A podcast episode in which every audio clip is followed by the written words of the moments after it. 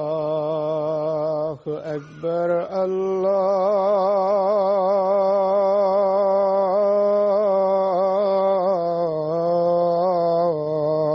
الله أكبر الله أكبر الله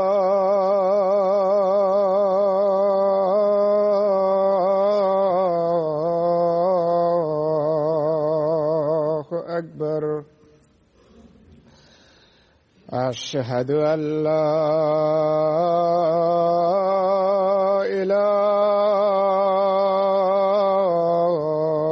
إله إلا الله. أشهد أن لا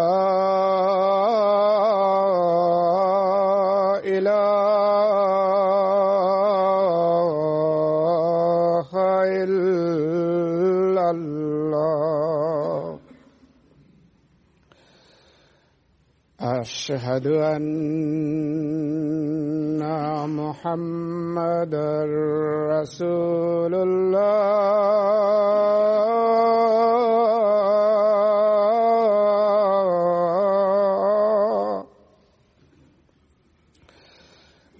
أشهد أن محمدا رسول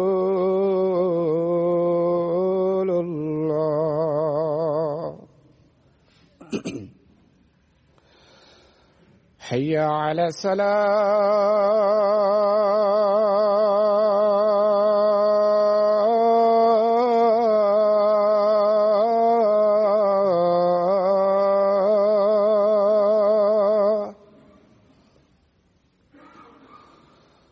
حي على الصلاة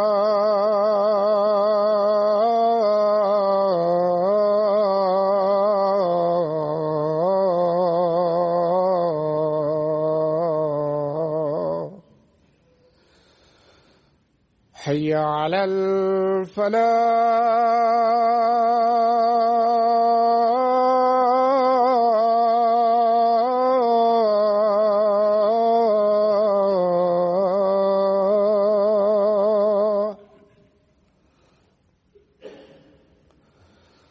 حي على الفلاح.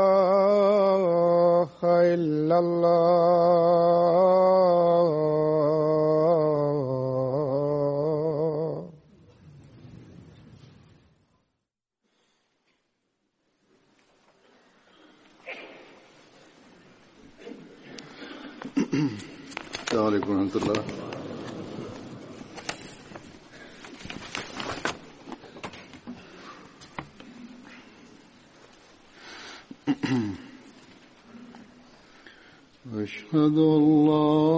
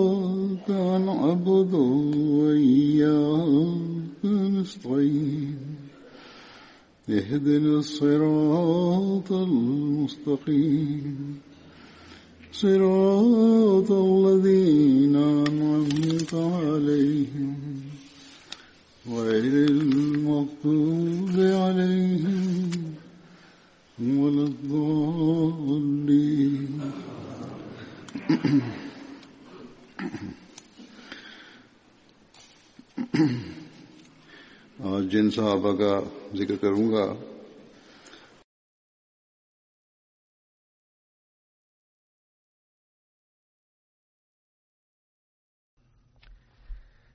Kisah sahabat Badar yang akan saya sampaikan pada hari ini yang pertama adalah Hadrat Sabit bin Khalid Ansari.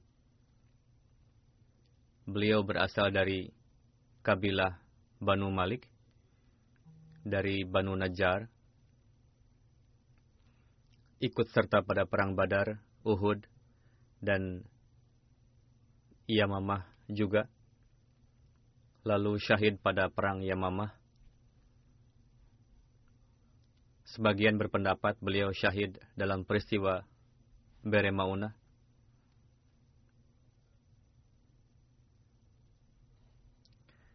Sahabat berikutnya Hadrat Abdullah bin Urfah.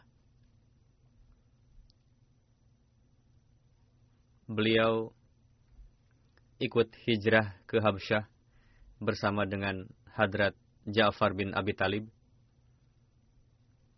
Hadrat Abdullah bin Mas'ud meriwayatkan, Rasulullah mengutus kami kepada Najasyi, dan kami berjumlah sekitar 80 orang.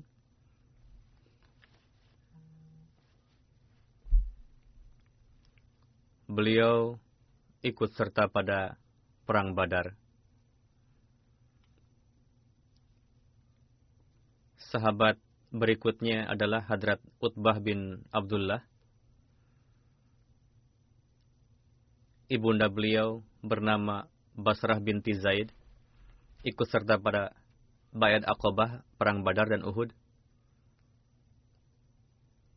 Sahabat berikutnya Hadrat Qais bin Abi Sa'asa Ansari.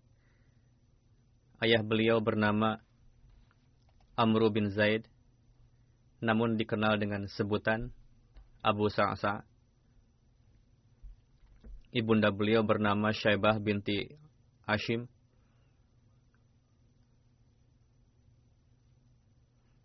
Beliau ikut serta dalam Bayat Aqabah beserta dengan 70 ansor lainnya.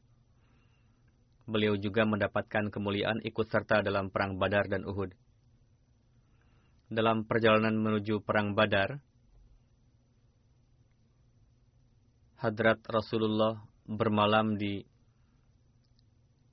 daerah luar Madinah bernama Buyutus Siqya di tempat itu juga anak di bawah umur yang ingin ikut berperang, anak itu dipulangkan. Rasulullah bersabda kepada para sahabat, ambilkan air dari sumur Suqya. Lalu beliau meminum airnya dan beliau melaksanakan salat berjamaah di rumah-rumah di Suqya. Sepulang dari Suqya, Rasulullah memerintahkan Hadrat Qais bin Abi Sa'asa untuk menghitung jumlah pasukan muslim. Saat itu pun, Hadrat Qais ditugaskan sebagai pengawas air. Setelah itu, Rasulullah sendiri bermalam di rumah Bir Abi Anba yang berjarak sekitar dua setengah kilometer dari Masjid Nabawi. Ketika Rasulullah memerintahkan untuk menghitung, lalu Hadrat Qais menghitungnya dan melaporkan kepada Rasulullah bahwa jumlah pasukan adalah 313 orang. Mendengar laporan tersebut, Rasulullah sangat bahagia beliau bersabda, seperti itu jugalah jumlah orang yang menyertai Talut.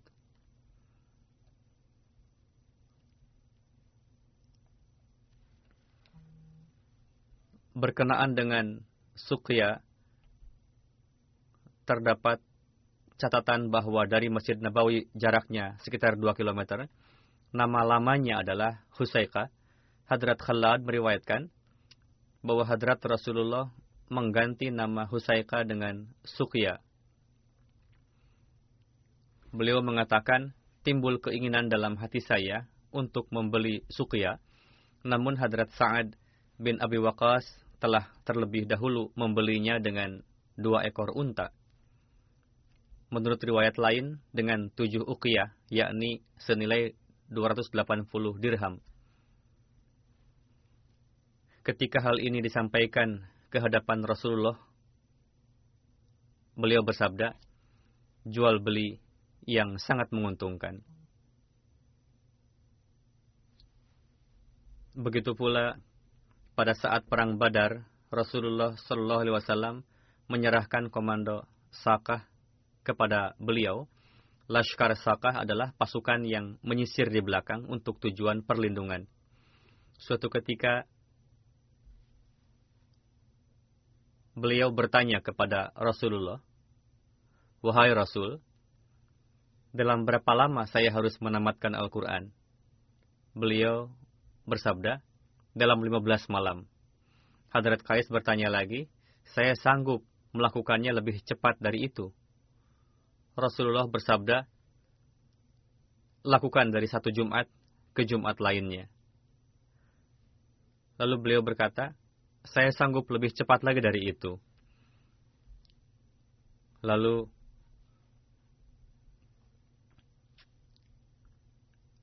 beliau tilawat Al-Quran seperti itu sampai tiba masa tua dan mulai menggunakan perban pada mata, sehingga beliau hanya mampu menamatkan Al-Quran dalam waktu 15 hari. Saat itu beliau mengatakan, seandainya saya menerima keringanan yang diberikan oleh Rasulullah, yakni untuk menamatkan Al-Quran dalam 15 malam. Hadrat Qais memiliki dua anak, bernama Al-Faqih dan Ummi Haris. Ibunda keduanya bernama Umamah binti Muaz. Hadrat Qais tidak bertambah keturunannya. Hadrat Qais memiliki tiga saudara, pria yang mendapatkan kesempatan untuk bergaul dengan Rasulullah, namun mereka tidak ikut serta pada perang Badar. Di antaranya Hadrat Haris, yakni yang syahid pada perang Yamamah, Hadrat Abu Khilab, Hadrat Jabir bin Abi Sa'asa, yang syahid pada perang Muatta.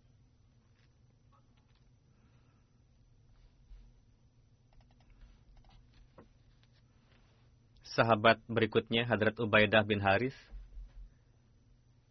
berasal dari Banu Muttalib, kerabat dekat Rasulullah.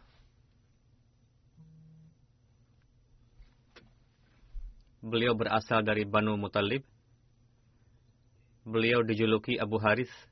Sebagian orang berpendapat disebut dengan Abu Muawiyah. Ibunda bernama Suhaila binti Khazai Hadrat Ubaidah lebih tua 10 tahun dari Rasulullah. Beliau bayat pada masa awal Islam. Beliau telah beriman sebelum Rasulullah memasuki Darul Arqam.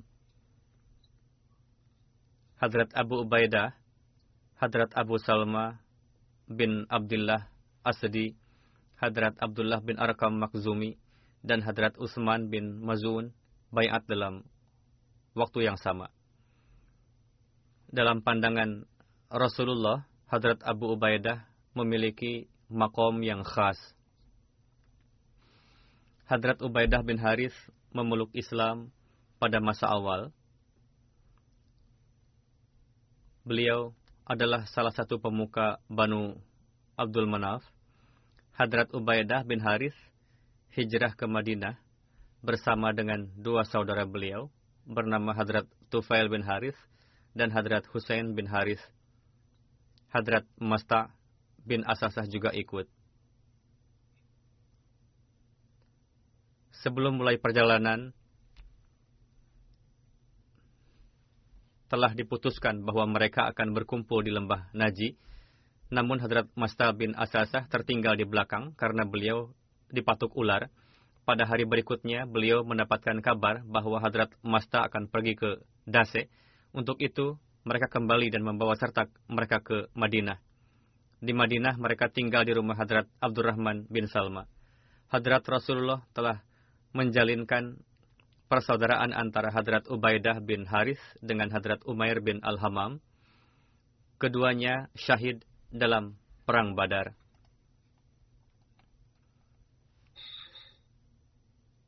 Dua saudara beliau, Hadrat Tufail bin Haris dan Hadrat Hussein bin Haris, ikut serta dalam Perang Badar bersama dengan beliau. Setelah sampai di Madinah, untuk terhindar dari kejahatan orang kufar, dan untuk melindungi umat muslim, Hadrat Rasulullah menempuh beberapa strategi, yang mana itu merupakan bukti nyata akan kepiawaian beliau dalam politik dan strategi perang. Berkenaan dengan hal itu, Hadrat Mirza Bashir Ahmad dalam buku Sirat Khatamun Nabiyyin menulis,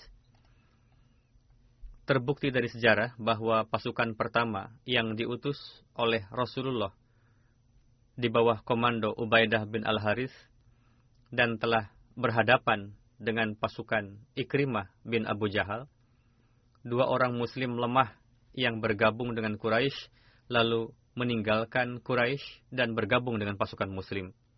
Sebagaimana diriwayatkan, ketika pasukan muslim berhadap-hadapan dengan pasukan Quraisy, maka dua orang yang bernama Miqdad bin Amru dan Utbah bin Ghazwan yang merupakan sekutu Bani Zuhra dan Banu Naufal melarikan diri dari kaum musyrik lalu bergabung dengan pasukan muslim. Kedua orang ini adalah pasuk muslim yang semata memanfaatkan pasukan kufar untuk bergabung dengan pasukan muslim. Salah satu tujuan Rasulullah dalam mengutus pasukan tersebut adalah supaya orang-orang seperti itu dapat terbebas dari Quraisy yang zalim dan mendapatkan kesempatan untuk bergabung dengan pasukan muslim. Delapan bulan setelah hijrah, Rasulullah mengutus Hadrat Ubaidah bin Haris bersama dengan 60 atau 80 pasukan berkuda. Rasulullah mengikatkan bendera berwarna putih untuk Hadrat Ubaidah bin Haris yang diangkat oleh Mista bin Asasa. Tujuan dari syariah atau perang yang tidak diikuti oleh Rasulullah tersebut adalah untuk menghentikan kafilah dagang Quraisy. Kafilah Quraisy itu dipimpin oleh Abu Sufyan, sebagian berpendapat oleh Ikrimah, dan sebagian lagi mengatakan dipimpin oleh Makrad bin Hifs. Kafilah kufar tersebut berjumlah 200 orang pasukan pasukan sahabat mendapati kafilah tersebut di lembah Kabik. Daerah itu disebut juga dengan nama Wadan. Tidak terjadi pertarungan lebih di antara kedua grup tersebut, hanya saling memanah, tidak dibuatkan barisan peperangan. Sahabat yang paling pertama melontarkan panah adalah Hadrat Sa'ad bin Abi Waqas, dan itu adalah panah pertama yang dilontarkan dari pihak Islam. Pada saat itu ikut serta Hadrat Mikdad bin Aswad dan Hadrat Uyainah bin Ghazwan. Sedangkan menurut Ibnu Hisham dan Tarikh Tibri, ikut juga Utbah bin Ghazwan. Tertulis bahwa kedua orang itu melarikan diri dari pasukan musyrik lalu bergabung dengan muslim karena keduanya adalah muslim yang ingin bergabung dengan pasukan muslim. Ini adalah syariah Islam yang kedua di bawah komando Hadrat Ubaidah bin Harith. Setelah saling memanah, kedua pasukan mundur karena pasukan musyrik begitu gentar dengan pasukan muslim, beranggapan bahwa laskar pasukan umat muslim sangat banyak dan mendapatkan bantuan. Untuk itu mereka ketakutan dan mundur. Pasukan muslim pun tidak mengejarnya. Memang terjadi peperangan, keduanya saling melontarkan panah pada akhirnya pasukan kufar mundur dan pasukan muslim pun kembali pulang. Dengan mengutip dari buku sirat, Hadrat Mirza Bashir Ahmad menulis, setelah kembali dari perang Wadan pada awal bulan Rabiul Awal, Hadrat Rasulullah mengutus pasukan muhajirin yang terdiri dari 60 70 pasukan berkuda di bawah komando kerabat beliau bernama Utbah bin Haris Matalabi. Tujuan dari langkah itu pun adalah untuk menghadapi serangan Quraisy Mekah. Setelah Ubaidah bin Haris dan pasukannya menempuh perjalanan dan sampai di sebuah tempat bernama Saniatul Marrah, lalu berhenti di sana mereka melihat ada 200 pasukan muda Quraisy dengan senjata lengkap di bawah komando Ikrimah bin Abu Jahal. Kedua pasukan saling berhadapan dan saling melontarkan panah. Namun pasukan musyrik ketakutan beranggapan bahwa di belakang masih ada pasukan muslim yang bersembunyi yang akan datang membantu. Lalu pasukan musyrik mundur namun pasukan muslim tidak mengejarnya. Walhasil, dari antara pasukan musyrik, ada dua orang bernama Mikdad bin Amru dan Utbah bin Ghazwan yang melarikan diri dari pasukan yang dikomandoi yang dikomandoi oleh Ikrimah bin Abu Jahal, lalu bergabung dengan pasukan muslim. Menulis, mereka bergabung dengan pasukan Quraisy untuk tujuan supaya ketika mendapatkan kesempatan bergabung dengan pasukan muslim, akan bergabung dengan muslim karena hatinya sudah muslim. Namun disebabkan oleh kelemahan diri dan takut kepada orang Quraisy, mereka tidak dapat berhijrah. Mungkin saja kejadian tersebut membuat Quraisy marah dan menganggap hal tersebut sebagai kesialan sehingga memutuskan untuk mundur. Tidak tertulis dalam sejarah bahwa Laskar Quraisy yang sebenarnya bukan kafilah dagang, mereka membentuk laskar pasukan yang bersenjata lengkap dengan berpura-pura sebagai kafilah dagang dan berkenaan dengannya, Ibnu Ishaq menyebutnya dengan istilah jama' azim, yakni laskar besar yang datang dengan tujuan khusus. Namun yang pasti adalah niat mereka tidak baik. Mereka datang untuk menyerang, sehingga umat muslim pun melontarkan panah, dan nampaknya juga lontaran panah pertama dari pihak kafir. Dengan karunia Allah Ta'ala, setelah melihat pasukan muslim siaga dan melihat dua orang pasukannya bergabung dengan muslim, akhirnya pasukan kafir pun putus asa lalu mundur. Manfaat yang didapatkan oleh pasukan muslim adalah dua muslim terhindar dari kezaliman Quraisy.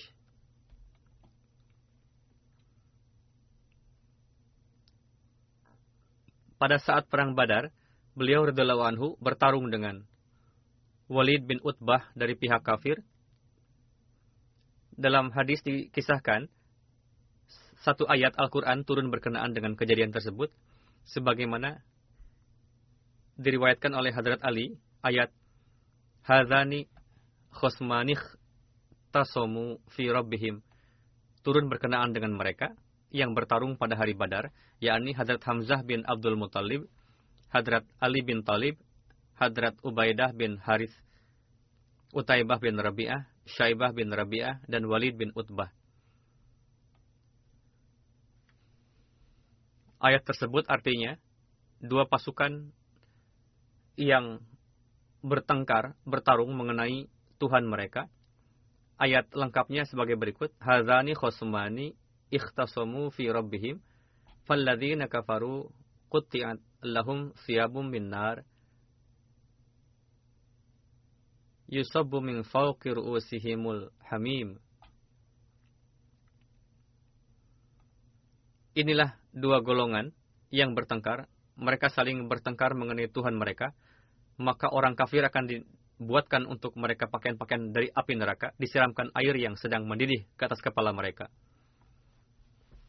Berkenaan dengan pertarungan ini, dijelaskan lebih lanjut dalam Sunan Abu Daud sebagai berikut. Hadrat Ali meriwayatkan, Utbah bin Rabi'ah di belakangnya ikut juga anak dan saudaranya, berteriak mengatakan, siapa yang akan tampil untuk bertarung dengan kami? Banyak pemuda Ansar yang menjawab tantangan itu. Utbah bertanya, siapa kamu? Mereka menjawab, kami Ansar. Utbah berkata, kami tidak ada urusan dengan kalian. Kami hanya ingin bertarung dengan anak paman kami. Hadrat Rasulullah bersabda, Wahai Hamzah, bangkitlah. Wahai Ali, berdirilah. Wahai Utbah bin Haris, majulah. Hadrat Ali meriwayatkan, seketika mendengar suara Rasulullah, Hadrat Hamzah maju menuju Utbah, saya ke arah Syaibah, lalu terjadi duel antara Ubaidah bin Haris dan Walid. Keduanya saling melukai satu sama lain. Lalu kami melihat Walid, ia terbunuh, dan kami membawanya keluar dari medan perang. Dalam duel tersebut, Utbah menebas betis Hadrat Ubaidah bin Haris hingga terkelupas, lalu Rasulullah membangkut, membangkitkan beliau, dan setelah perang berakhir dibawa ke Safra, daerah dekat Badar, lalu wafat di sana. Beliau dimakamkan di tempat itu juga. Menurut riwayat lain, ketika betis Ubaidah terpotong, dan nampak keluar cairan darinya. Lalu sahabat membawa beliau ke hadapan Rasulullah. Beliau berkata, Wahai Rasul, apakah saya syahid? Saat itu beliau terluka parah dalam perang, namun tidak wafat. Beliau bersabda, kenapa tidak? Kamu syahid. Menurut riwayat lain, ketika beliau dibawa ke hadapan Rasulullah, Rasulullah meletakkan kepala sahabat tersebut di atas paha beliau sendiri. Hadrat Ubaidah bersabda, seandainya hari ini Abu Talib masih hidup, maka akan mengetahui bahwa apa yang dulu biasa beliau katakan, pada hari ini aku lebih berhak untuk itu. Beliau selalu mengatakan, wa nuslimuhu hatta nasra'u hawla wa nazhala an abnaina wal halail.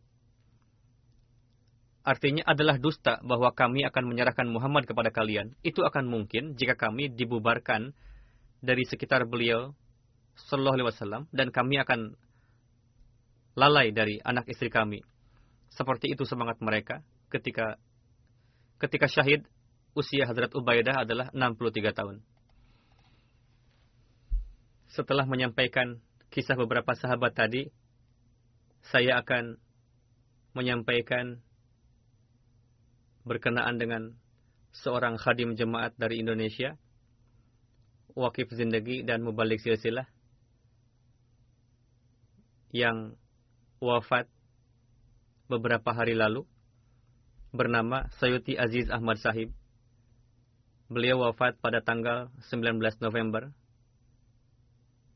Innalillahi wa inna ilaihi rajiun. Beliau mengalami penyakit jantung yang parah berangkat ke Rabuah untuk berobat, lalu dilakukan operasi besar di Tahir, Tahir Heart Institute Rabuah, namun tidak dapat disembuhkan lagi. Akhirnya wafat pada tanggal 19 November.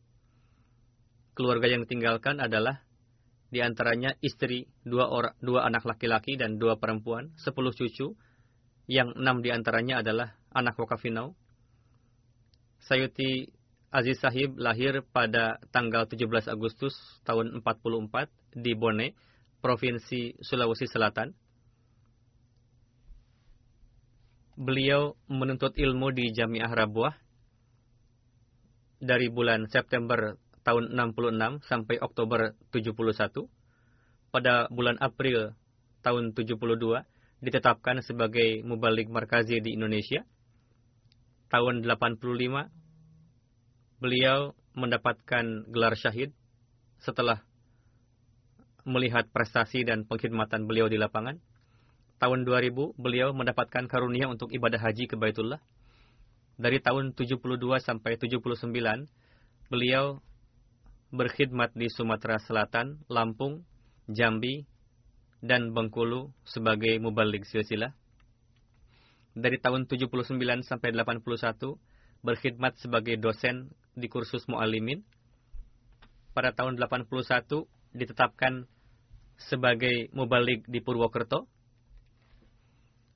Tahun 82 ditetapkan sebagai naib direktur pada kelas mubaligin dan mu'alimin. Dari tahun 82 sampai 92 sebagai prinsipal Jamiah Ahmadiyah Indonesia. Pada saat itu beliau dianugerahi gelar syahid pada tahun 85. Dari tahun 92 sampai 2016 menjabat sebagai Raisul Tabligh. Dari tahun 2016 sampai wafat berkhidmat sebagai prinsipal Jamiah Ahmadiyah Indonesia.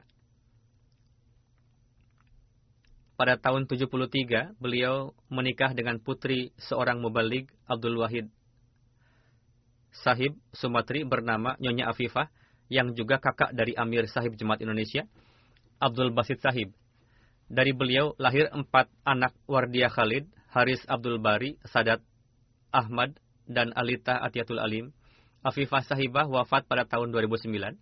Setelah itu, Sayati Sahib menikah dengan Nyonya Iriana Damayanti, Sahibah, yang mana dari beliau tidak terlahir anak. Berkenaan dengan masuknya jemaat dalam keluarga beliau, dalam satu interview MTA, beliau menuturkan, penyebab utama bayatnya keluarga kami adalah karena kami mendapat pesan dari kakek saya bahwa di akhir zaman nanti Imam Mahdi akan datang. Kalian, semua anak cucu harus bayat di tangannya. Untuk melaksanakan pesan kakek tersebut, keluarga besar saya berhijrah dua kali.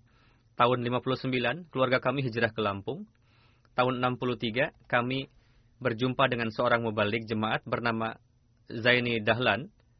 Sahib datang ke Lampung untuk bertablik. Beliau menyampaikan bahwa Imam Mahdi telah datang. Saya bertanya kepada beliau, apa bukti kalau Imam Mahdi sudah datang? Kemudian beliau memperlihatkan sebuah buku berjudul Kebenaran Al-Masih Akhir Zaman dan meminta kami untuk mempelajarinya. Setelah mempelajari buku tersebut, timbul keyakinan di dalam diri saya bahwa Imam Mahdi yang akan datang itu, Hadrat Mirza Ghulam Ahmadlah orangnya. Maka pada tanggal 13 Februari tahun 63, dalam usia 19 tahun, saya bersama 40 anggota keluarga besar saya bayat melalui Bapak Zaini Dahlan. Bulan Agustus tahun 63, Wakilut Tabshir datang dari Rabuah, menghadiri jasa salanah di Bandung. Saya pun hadir, melihat semua kegiatan jemaat dan berjumpa dengan mubalik-mubalik. Dari situ barulah terbuka pikiran saya, dan saya dapat melihat apa itu Ahmadiyah sebenarnya. Berkenaan dengan masuknya ke dalam jamiah menuturkan, tahun 63, Bapak Mubalik Imam Ayub Mubalik Sumatera Selatan, beliau datang ke Lampung dan mengunjungi kami yang masih berstatus sebagai mubayin baru. Setelah mengunjungi kami, beliau menyampaikan laporan kepada Rasul Tabligh ketika itu, Maulana Sayyid Syah Muhammad Al-Jailani, menulis, di Lampung ada sekelompok orang dari suku Bugis yang telah bayat, tetapi sampai sekarang belum ada seorang pun mubalik yang berasal dari suku Bugis, sedangkan dari suku Sunda dan Jawa sudah ada. Saya melihat di sana ada tiga pemuda, pantas untuk dikirim ke Rabuah. Salah satu dari tiga pemuda itu adalah saya. Kami bertiga diusulkan untuk dikirim belajar ke Rabuah. Kami diperintahkan untuk membuat paspor, namun karena kondisi politik di Indonesia saat itu tidak baik, sehingga paspor belum bisa jadi. Lalu saya berangkat ke kedutaan besar Pakistan untuk membuat visa dibawa oleh Maulana Imamuddin. Dalam waktu 15 menit, visa sudah jadi. Saya tiba di Karachi, menginap semalam di Karachi, dan berangkat menuju Rabuah menggunakan kereta api. Setelah turun di stasiun, lalu berjalan kaki sampai Jamiah, saya disambut oleh ratusan mahasiswa Jamiah. Karena suasana baru, mula-mula merasa kaget, namun akhirnya terbiasa. Tiga hari kemudian saya masuk jamiah. Yang mengajar adalah salah satu sahabat Hadrat Masih Maud salam, yakni Hadrat Master Atta Muhammad, radhiyallahu anhu. Selama di Rabuah, saya mendapatkan kemuliaan untuk berjumpa dengan beberapa sahabat Hadrat Masih Maud salam dan selalu mencari kesempatan untuk dapat berjumpa dengan para sahabat, berbincang dan memijat kaki beliau-beliau. Menceritakan perihal mulakat yang menyenangkan dengan Hadrat Khalifatul Masih ketiga, beliau menuturkan, setelah terpilih sebagai khalifah, untuk pertama kali kami berjumpa dengan huzur ketiga, lalu kami berpelukan. Huzur bersabda, kalian dari jauh datang kemari, yakni semua mahasiswa luar negeri. Kalian semua adalah anak-anakku. Sambil menepuk-nepuk pipi kami. Sorotan sorotan rohani beliau itulah yang masuk dan meresap ke dalam jiwa kami. Sehingga seberapapun beratnya tantangan di Rabuah, kami tetap tabah menghadapinya. Huzur selalu mengatakan, jika ada kesulitan, maka datanglah kepada saya dan kabari saya. Ketika saya mau pulang ke Indonesia, saya berpamitan kepada Huzur. Huzur bertanya, apa yang kamu mau? Saya menjawab, buku Huzur. Saya sudah di, ke kantor tapi belum diberikan.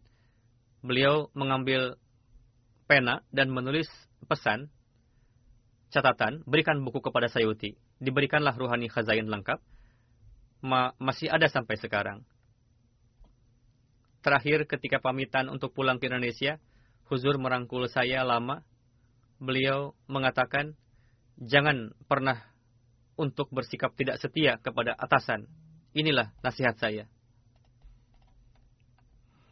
Peristiwa menarik, tahun 93, Amir Jemaat Indonesia pada masa itu adalah Bapak Syarif Ahmad Lubis memerintahkan untuk berangkat ke Filipina untuk menggolkan bayat internasional dan dikatakan bahwa itu adalah perintah huzur. Huzur keempat.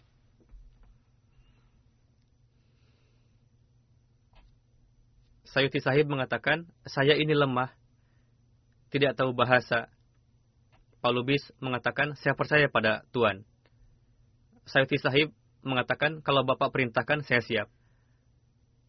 Maka saya berangkat ke Manila terus ke Zamboanga. Karena makanan tidak sesuai, saya terkena diare. Malam malam saya sudah sangat lemah. Lalu saya berdoa, "Ya Allah, kalau saya meninggal di sini, siapa yang mengurus jenazah saya? Tidak ada orang Islam di sini." Akhirnya, tengah malam saya mimpi, seorang perawat datang dengan pakaian lengkap, mengusap ubun-ubun saya dan meniupnya saya merasa badan saya dingin dan dingin keluar dari ujung kaki. Paginya saya bangun dan merasa sehat. Saya melanjutkan perjalanan ke Tawi-Tawi. Dalam waktu tiga bulan, bisa membayatkan 130 orang. Abdul Basit Sahib, Amir Jemaat Indonesia menulis, saya mendapatkan kesempatan untuk menyaksikan dari dekat sosok Maulana Sayyidi Aziz sebagai abang ipar dan sesama mubalik. Beliau adalah sosok pribadi yang sederhana, rendah hati, penyabar dalam setiap situasi, rajin berdoa dan tahajud, sangat bertawakal kepada Allah Subhanahu wa taala. Memiliki kecintaan yang tulus kepada nizam khilafat dan khalifah, mendahulukan urusan jemaat, agama daripada urusan pribadi atau keluarga Beliau seorang khadim silsilah yang berhasil dalam setiap jabatan atau tugas yang diembannya. Apakah sebagai mubalik dosen jamiah, prinsipal jamiah, maupun sebagai mubalik in charge. Dan beliau menjadi contoh teladan bagi khadim-khadim lainnya. Dalam keikhlasan berkhidmat bagi jemaat ilahi. Maksum Saib, naib prinsipal jamiah menulis, Sayyidi Sahib mengajar terjemah Al-Quran di Darjah Khamisah, Rabi'ah, dan Salisah Jamiah. Mengajar kalam di tingkat mubashir. Untuk mengajar beliau, untuk mengajar beliau menggunakan buku Irfani Ilahi. Ketika kesehatan beliau semakin lemah karena penyakit, sehingga sulit untuk berjalan, maka para mahasiswa datang langsung ke kantor beliau untuk mendapatkan kuliah. Sebelum berangkat ke Rabuah pun, Beliau mengajar untuk kelas terakhir pada tanggal 8 November. Beliau selalu mengatakan, sekarang jamiah telah ditingkatkan menjadi syahid dan Khalifatul Masih telah menyetujuinya. Untuk itu kalian harus memenuhi harapan huzur dan harus bersungguh-sungguh. Putri beliau, Mardia Khalidah Sahibah menulis, Bapak adalah seorang mubalik yang benar-benar mewakafkan hidupnya untuk agama dan jemaat. Sebagian besar waktunya dihabiskan untuk mengkhidmati agama, sehingga waktu yang diluangkan untuk urusan keluarga sangatlah sedikit. Jarang sekali kami berlibur bersama-sama, namun kami mengerti dan memaklumi bahwa itulah jalan hidup seorang wakaf zindagi. Dalam memberikan tarbiat, Bapak juga tipe orang yang tidak banyak bicara, tetapi mencontohkan dengan perbuatan. Sementara ketika ibu kami sedang sakit, beliau dengan setia merawat dan mengurus segala keperluannya. Pada waktu bulan Ramadan, Bapak sendirilah yang menyiapkan sahur, dan buka puasa dan tidak meminta bantuan kepada orang lain. Beliau terbiasa melakukan pekerjaannya sendiri. Putra beliau, Sadat Ahmad Sahib menulis, Bapak sangat sabar dalam memberikan tarbiyat kepada anak-anak, namun beliau sangat menekankan untuk salat. Ketika waktu salat tiba, beliau mendidik anak-anaknya supaya salat pardu berjamaah di masjid. Kalau saya belum datang di masjid pada waktu salat, maka beliau akan mengajak saya.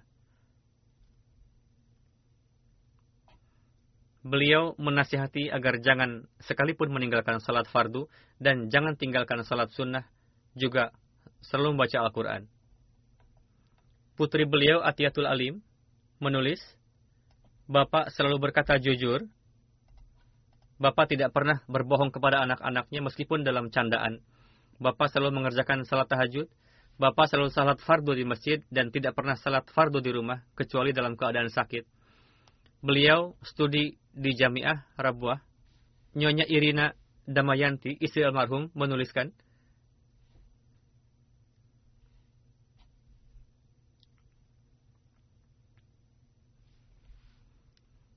Sebelum Bapak berangkat ke Rabuah untuk menjalani operasi jantung, Bapak berpesan kepada saya dan anak-anak bahwa ahli waris saya adalah khilafat. Hidup dan mati saya hanya untuk jemaat. Bapak sangat ingin pergi ke jasa jalanah Jerman tahun ini, begitu besarnya keinginan Bapak untuk bertemu dengan Huzur, padahal kondisi kesehatan tidak baik, dan semua anak meminta Bapak untuk tidak berangkat. Ternyata pertemuan dengan Huzur di jasa jalanah Jerman itu adalah pertemuan terakhir. Huzur bersabda, berjumpa dengan saya di Jerman. Istri beliau menulis, menurut saya, Bapak adalah suami yang terbaik, saya belajar mengenai ketaatan dari beliau. Dalam urusan jemaat, Bapak tidak menghiraukan kesehatan. Menantu beliau, Zaki Firdaus, menulis, Sejak beberapa tahun sebelum terjadinya peristiwa penyerangan terhadap markas jemaat Ahmadiyah di Indonesia, pada pertengahan tahun 2005, beberapa kali beredar kabar mengenai rencana penyerangan terhadap markas, sehingga ada himbauan agar para hudam datang ke markas untuk berjaga. Saya pun beberapa kali datang ke markas untuk bertugas jaga. Saya menyaksikan Bapak yang pada saat itu adalah Raisu Tablik sangat berani dan hingga larut malam menemui para hudam dan menyemangati mereka. Bapak sangat mencintai khilafat. Beliau sering sekali menyampaikan bahwa beliau adalah seorang wakaf zindagi. Apa pun yang saya lakukan adalah seizin huzur dan melakukan apa yang huzur perintahkan. Pada tahun 2017, Bapak terkena stroke yang membuat beliau untuk sementara waktu tidak dapat berbicara dengan jelas. Namun Bapak tetap mempelajari buku-buku dan berupaya mengajar di jamiah.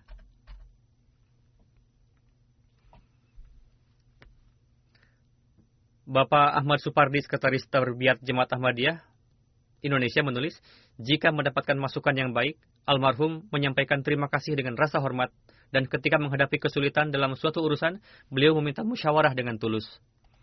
Ahmad Nur Komar Sahib Mubalik menulis, sosok yang selalu sederhana, namun penuh wibawa. Meskipun sudah berumur, namun beliau masih sigap dalam urusan jemaat, layaknya pemuda. Nasihat yang selalu saya ingat dari beliau, bahwa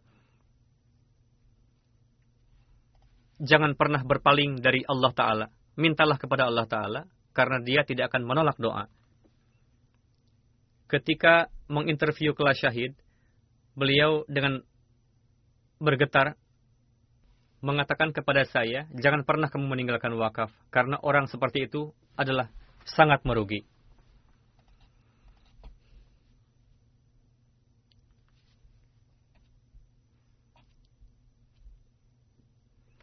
Ada yang menyampaikan mengenai beliau, ketika Sayyidi Sahib tiba di Kendari, beliau menasihatkan, jika dalam menegakkan nizam jemaat, seorang mubalik menghadapi masalah intern dan ekstern, jangan gentar dan yakinlah pertolongan Allah Ta'ala akan menyertai Anda.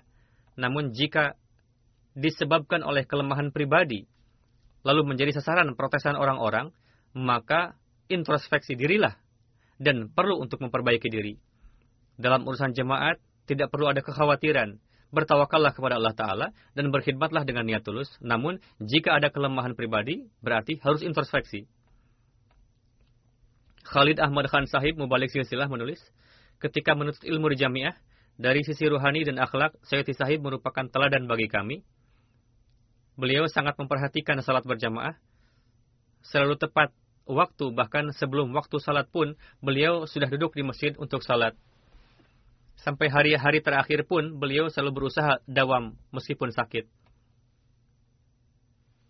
Hashim Sahib Mubalik Silsilah menulis, ketika masih belajar di jamiah, angkatan kami mendapatkan karunia belajar ilmu kalam dari beliau.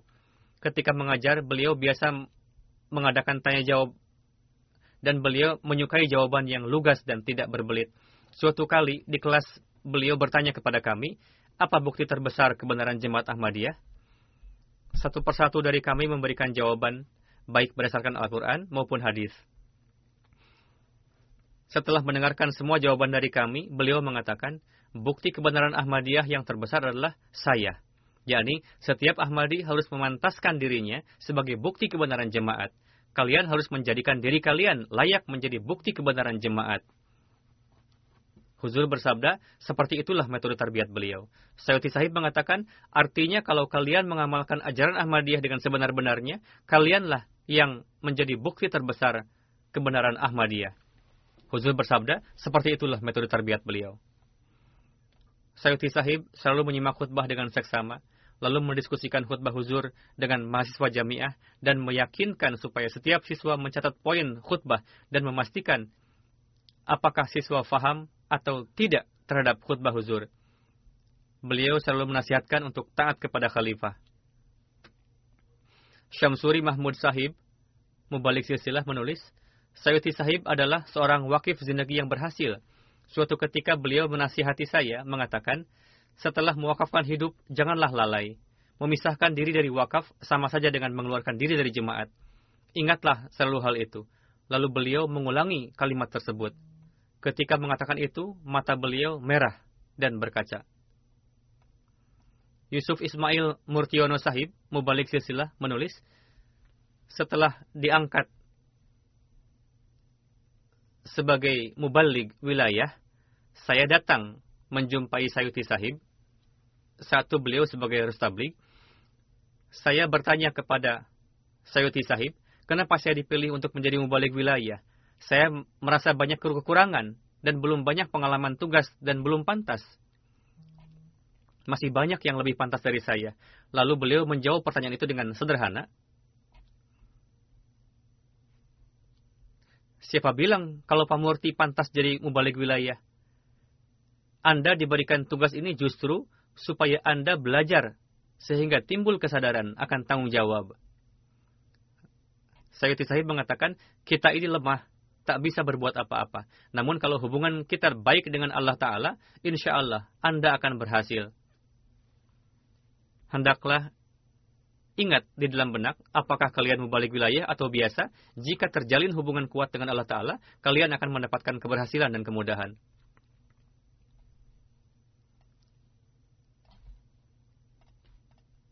Iha Nur Kohongia Sahib, General Manager MTA menulis, Saya pernah mempunyai masalah yang cukup besar, lalu saya memohon doa kepada Syekh Sahib, melalui SMS, saat itu beliau tidak menjawabnya. Lalu beliau meminta nomor HP saya kepada seseorang. Pada esok harinya, saya berjumpa dengan beliau, dan beliau mengatakan kepada saya, apakah Anda sudah minta doa kepada huzur? Saya katakan, sudah. beliau senang mendengarnya. Dan beliau mengatakan bahwa pentingkan untuk memohon doa kepada huzur. Beliau bicara sambil meneteskan air mata, bicara seperti itu. Kelihatan sekali beliau sangat mencintai khalifah. Berkali-kali beliau terharu dan meneteskan air mata di saat beliau membicarakan khalifah. Dengan karunia Allah Ta'ala, almarhum adalah Musi. Beliau wafat di Rabuah, Pakistan 23 November jasad beliau tiba di Indonesia. Pada tanggal 24 November dimakamkan di Makbarah Musian, Markaz Parung. Banyak sekali orang yang hadir dalam pemakaman. Semoga Allah Ta'ala meninggikan rakyat beliau. Menganugerahkan makam yang luhur di surga Firdaus. Semoga Allah Ta'ala menganugerahkan kesabaran kepada yang ditinggalkan dan semoga anak keturunan beliau diberikan taufik untuk dapat mengikuti jejak langkah beliau. Amin.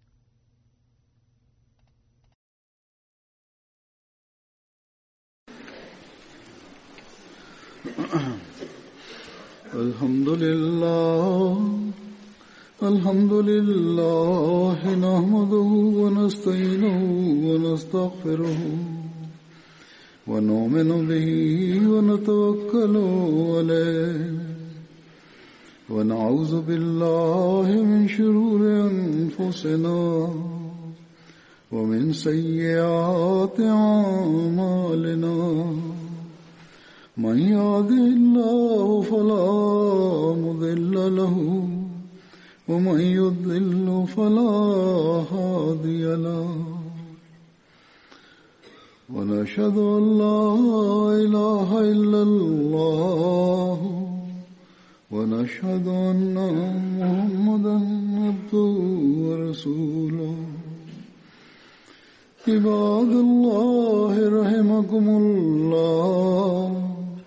إن الله يأمر بالعدل واللسان وإيتاء ذي القربى وينهى عن الفحشاء والمنكر والبغي يعظكم لعلكم تذكرون اذكروا الله يذكركم وادعوه يستجب لكم ولذكر الله أكبر. نمازوں کے بعد میں جنازہ غائب بھی پڑھاؤں گا.